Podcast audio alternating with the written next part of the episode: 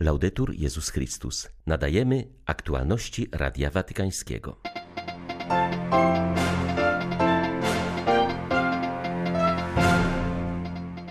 Do oszczędnego mówienia oraz uważnego słuchania Boga i ludzi wezwał papież w rozważaniu przed modlitwą Anioł Pański. W stolicy Węgier rozpoczął się 52. Międzynarodowy Kongres Eucharystyczny. Za tydzień do Budapesztu na jego zamknięcie przybędzie Ojciec Święty. Dzisiaj odbyło się na Jasnej Górze Narodowe Dziękczynienie za dar polskiego chleba. 5 września witają Państwa ksiądz Krzysztof Ołdakowski i Łukasz Sośniak. Zapraszamy na serwis informacyjny. Uzdrawianie serca człowieka zaczyna się od jego wysłuchania. Te słowa papież skierował do wiernych przed modlitwą Anioł Pański. W rozważaniu Franciszek nawiązał do ewangelicznego opisu uzdrowienia głuchoniemego dokonanego przez Jezusa. Towarzyszyło mu tajemnicze słowo effata, to znaczy otwórz się. Tym słowem Pan pragnie uzdrowić nas z głuchoty serca, która jest gorsza od głuchoty fizycznej. Ojciec Święty zwrócił uwagę, że ogarnięci pośpiechem nie znajdujemy czasu, aby zatrzymać się i posłuchać tych, którzy do nas mówią. Grozi nam, że staniemy się obojętni na wszystko i nie znajdziemy czasu także dla tych, którzy potrzebują wysłuchania. A to jest ważniejsze od mówienia, nawet bardzo mądrych słów i kazań. Zadajmy sobie pytanie, jak to jest z moim słuchaniem innych osób? Czy daje się poruszać ludzkim życiem, czy potrafię poświęcić czas ludziom bliskim, aby ich słuchać? To odnosi się do nas wszystkich, ale w szczególny sposób do księży, do kapłanów. Kapłan powinien słuchać ludzi, nie spieszyć się, słuchać i widzieć, jak może im pomóc, ale po wysłuchaniu.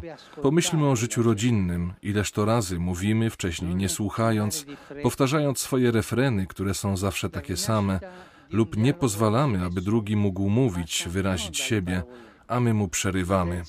Odrodzenie dialogu często nie wynika ze słów, ale z milczenia, że cierpliwie zaczynamy wsłuchiwać się na nowo w drugą osobę, słuchamy o jej trudach, o tym, co nosi w sobie. Uzdrawianie serca zaczyna się od wysłuchania. Ojciec Święty zauważył, że to samo dotyczy naszej relacji z Panem Bogiem zanim zaczniemy zasypywać go różnymi prośbami, dobrze by było posłuchać najpierw, co ma nam do powiedzenia. Pośród tysięcy słów, które wypowiadamy każdego dnia, ważne jest, aby otworzyć się na Jego słowo, które zapisane jest na kartach Ewangelii. Jezus jest słowem. Jeśli nie zatrzymujemy się, by go słuchać, to on nas mija, przechodzi dalej. Ale jeśli poświęcimy czas na Ewangelię, znajdziemy sekret naszego zdrowia duchowego. Oto lekarstwo. Każdego dnia trochę milczenia i słuchania, o wiele mniej słów bezużytecznych, a trochę więcej słowa Boga. Usłyszmy dzisiaj, tak jak w dniu naszego chrztu, skierowane do nas owo słowo Jezusa: Effata, otwórz się, otwórz uszy. Jezu, pragnę otworzyć się na Twoje słowo. Jezu, otwórz mnie na słuchanie Ciebie. Uzdrów moje serce z zamknięcia, z pośpiechu, z niecierpliwości. W pozdrowieniach po modlitwie południowej papież ponownie zaapelował o wsparcie dla Afgańczyków, którzy szukają schronienia. Zapewnił o modlitwie za najbardziej bezbronnych spośród nich aby wiele krajów ich przyjęło oraz chroniło wszystkich, którzy szukają nowego życia. Modlę się również za wewnętrznych przesiedleńców, aby otrzymali pomoc i ochronę. Niech młodzi Afgańczycy otrzymają wykształcenie, które jest niezbędnym dobrem dla rozwoju człowieka. I niech wszyscy Afgańczycy, zarówno w domu, jak i w krajach tranzytowych oraz przyjmujących, żyją godnie w pokoju i braterstwie ze swoimi sąsiadami. Franciszek wyraził radość z beatyfikacji swojego rodaka, franciszkanina i biskupa, ojca Mamerta Esquiu, Uroczystość odbyła się wczoraj w Argentynie, w rodzinnym mieście Nowego Błogosławionego. W końcu argentyński błogosławiony, co? Był gorliwym głosicielem Słowa Bożego dla budowania wspólnoty kościelnej i cywilnej. Niech jego przykład pomaga nam zawsze łączyć modlitwę i apostolstwo oraz służyć pokojowi i braterstwu. XIX-wieczny Franciszkanin zasłynął jako kaznodzieja i gorliwy duszpasterz. Ceniony był także za swoje zaangażowanie w sprawy społeczne i państwowe oraz znaczący wkład w powstanie nowoczesnego państwa argentyńskiego. Szanowany za uczciwość, został wybrany na deputowanego i członka Rady Prowincji Katamarka. Pracował także jako misjonarz w Boliwii, a następnie papież Leon XIII mianował go biskupem Kordoby w Argentynie. W swojej diecezji zasłynął organizowaniem pomocy dla najuboższych i gorliwością duszpasterską. Był też cenionym kaznodzieją. Uroczystości beatyfikacyjne odbyły się na dziedzińcu przed kościołem świętego Józefa w Piedra Blanca w prowincji Katamarka w rodzinnym mieście błogosławionego. Mszy przewodniczył biskup senior diecezji Tucumán kardynał Luis Hector Villalba, który w homilii podkreślił, że nowy błogosławiony był przede wszystkim człowiekiem głębokiej modlitwy. Jako zakonnik, jako kapłan i biskup jest wzorem do naśladowania. Jego beatyfikacja jest zaproszeniem dla nas wszystkich, by iść za Chrystusem, czyli dążyć ku świętości. Oddał się ubogim na wzór świętego Franciszka. Był niestrudzony w niesieniu pomocy chorym i udzielaniu sakramentów.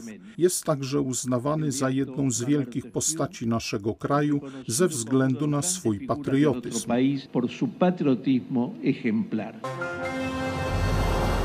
Mszą celebrowaną pod przewodnictwem kardynała Angelo Baniasco z Genui rozpoczął się w Budapeszcie 52. Międzynarodowy Kongres Eucharystyczny, który gromadzi przedstawicieli kościołów z całego świata.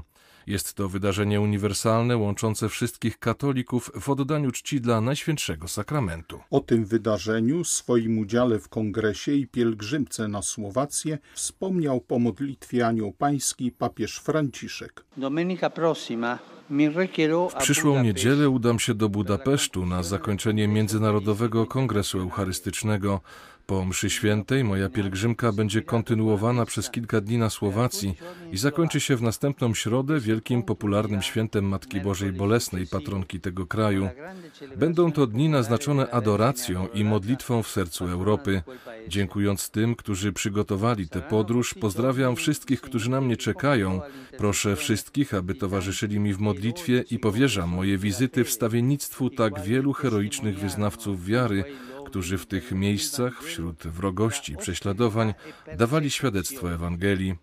Niech one pomogą Europie świadczyć także dzisiaj nie tylko słowami, ale przede wszystkim czynami, dziełami miłosierdzia i gościnności o dobrej nowinie Pana, który nas kocha i zbawia.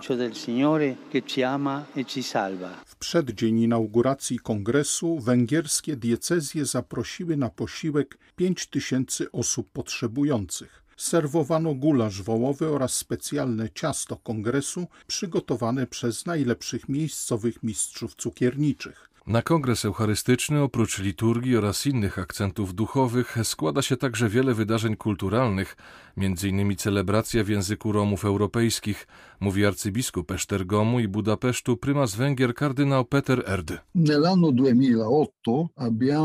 W roku 2008 opublikowaliśmy dzięki aprobacie konferencji episkopatu całą Biblię w języku romskim. Nie było niestety w tym języku tekstu liturgicznego mszy. Rozpoczęliśmy przygotowania tłumaczenia i udało się nam opracować odpowiedni formularz mszy, która będzie śpiewana w tym języku. Artyści skomponowali piękną muzykę na bazie tradycji ludów romskich z całej Europy, zaadoptowanej odpowiednio do Eucharystii. Mamy nadzieję, że tym razem będziemy mogli dać wyraźny znak pełnej komunii z nimi, także wokół ołtarza pańskiego.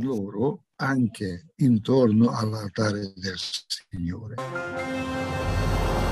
Modlitwa dziękczynna za polski chleb i prośba o to, by nikomu nie zabrakło środków do godnego życia oraz pokarmu, który krzepi duchowo, zanoszona była na Jasnej Górze. W ogólnopolskich dożynkach udział wziął prezydent Polski i tysiące rolników. W Dniu Solidarności z Afgańczykami wyrażona została pamięć o tych, którzy cierpią z powodu głodu i wojny. Przeor Jasnej Góry ojciec Samuel Pacholski apelował do wszystkich sprawujących władzę, aby jak najszybciej zażegnali kryzys humanitarny w tych regionach świata, gdzie ludzie cierpią z powodu braku podstawowych środków do życia. Chcemy w tym dniu pamiętać w modlitwie o rodzinach i poszczególnych osobach, które musiały opuścić swoją ojczyznę z obawy przed prześladowaniami i zagrożeniem utraty życia. Wiele przywiezionych dziś wieńców dożynkowych nawiązywało do roku Eucharystii, który przeżywamy. O tym, że ciało Chrystusa to centrum naszej wiary, przypomina otwarta właśnie w sali rycerskiej wystawa Eucharystia 2021, przygotowana przez Węgierską Akademię Sztuki, a to w łączności z 52. Kongresem Eucharystycznym. 11 plansz, tyle ile liter w słowie Eucharystia, opowiada o historii kraju i kultu eucharystycznego na Węgrzech. Otwarcia wystawy dokonał konsul generalny Węgier w Krakowie Tibor Gerencir. Z uwagi na to, że nie wszyscy mogą przyjechać w tym roku na Kongres Eucharystyczny w Budapeszcie, chcielibyśmy pokazać nasz kontakt z Eucharystią tutaj, na ziemi polskiej. Życzę, aby my wszyscy zauważyli i docenili to, co Eucharystia nam daje. Eucharystyczna wystawa pozostanie na Jasnej Górze około dwóch miesięcy. Dla Radia Watykańskiego Izabela Tyras, Biuro Prasowe Jasna Góra News. Z okazji beatyfikacji kardynała Stefana Wyszyńskiego oraz matki Elżbiety Róży Czackiej redakcja Gościa Niedzielnego przygotowała Gościa Ekstra. To wyjątkowe wydanie w całości poświęcone jest prymasowi tysiąclecia i założycielce Zgromadzenia Sióstr Franciszkanek Służebnic Krzyża oraz Zakładu dla Niewidomych w Laskach mówi redaktor naczelny gościa niedzielnego, ksiądz Adam Pawlaszczyk. Autorami tekstów, które można w nim przeczytać, są dziennikarze gościa niedzielnego oraz współpracujące z redakcją autorki książek o prymasie tysiąclecia Ewa Czaczkowska i Milena Kindziuk. Piszemy m.in. o tym, co zawdzięczamy prymasowi tysiąclecia jako Kościół w Polsce i naród, o roli, jaką kardynał Wyszyński odegrał w czasie Soboru Watykańskiego II, a także o znaczeniu wspólnej beatyfikacji księdza prymasa i Matki Róży dla Kościoła w Polsce i na świecie. Ten numer gościa ekstra oddajemy do rąk czytelników z przekonaniem, że pomoże im dobrze przygotować się do beatyfikacji prymasa tysiąclecia i założycielki lasek, a także zainspiruje do szukania w ich duchowości oraz życiowych postawach i wyborach wzorów do naśladowania. W oczekiwaniu na beatyfikację prymasa Wyszyńskiego. Bronić trzeba dzisiaj w naszej ojczyźnie człowieka pracującego i jego prawa do wypoczynku.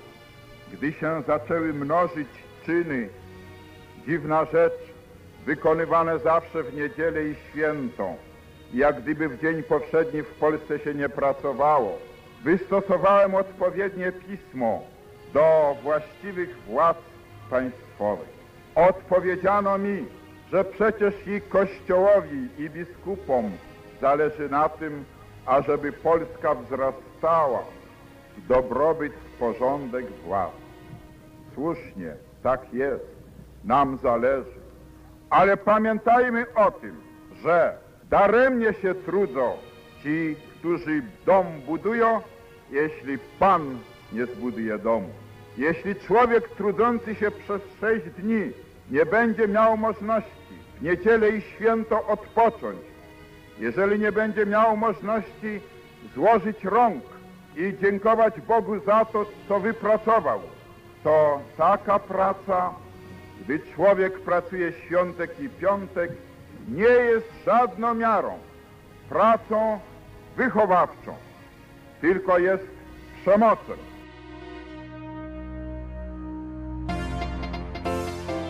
Były to aktualności Radia Watykańskiego. Laudetur Jezus Chrystus.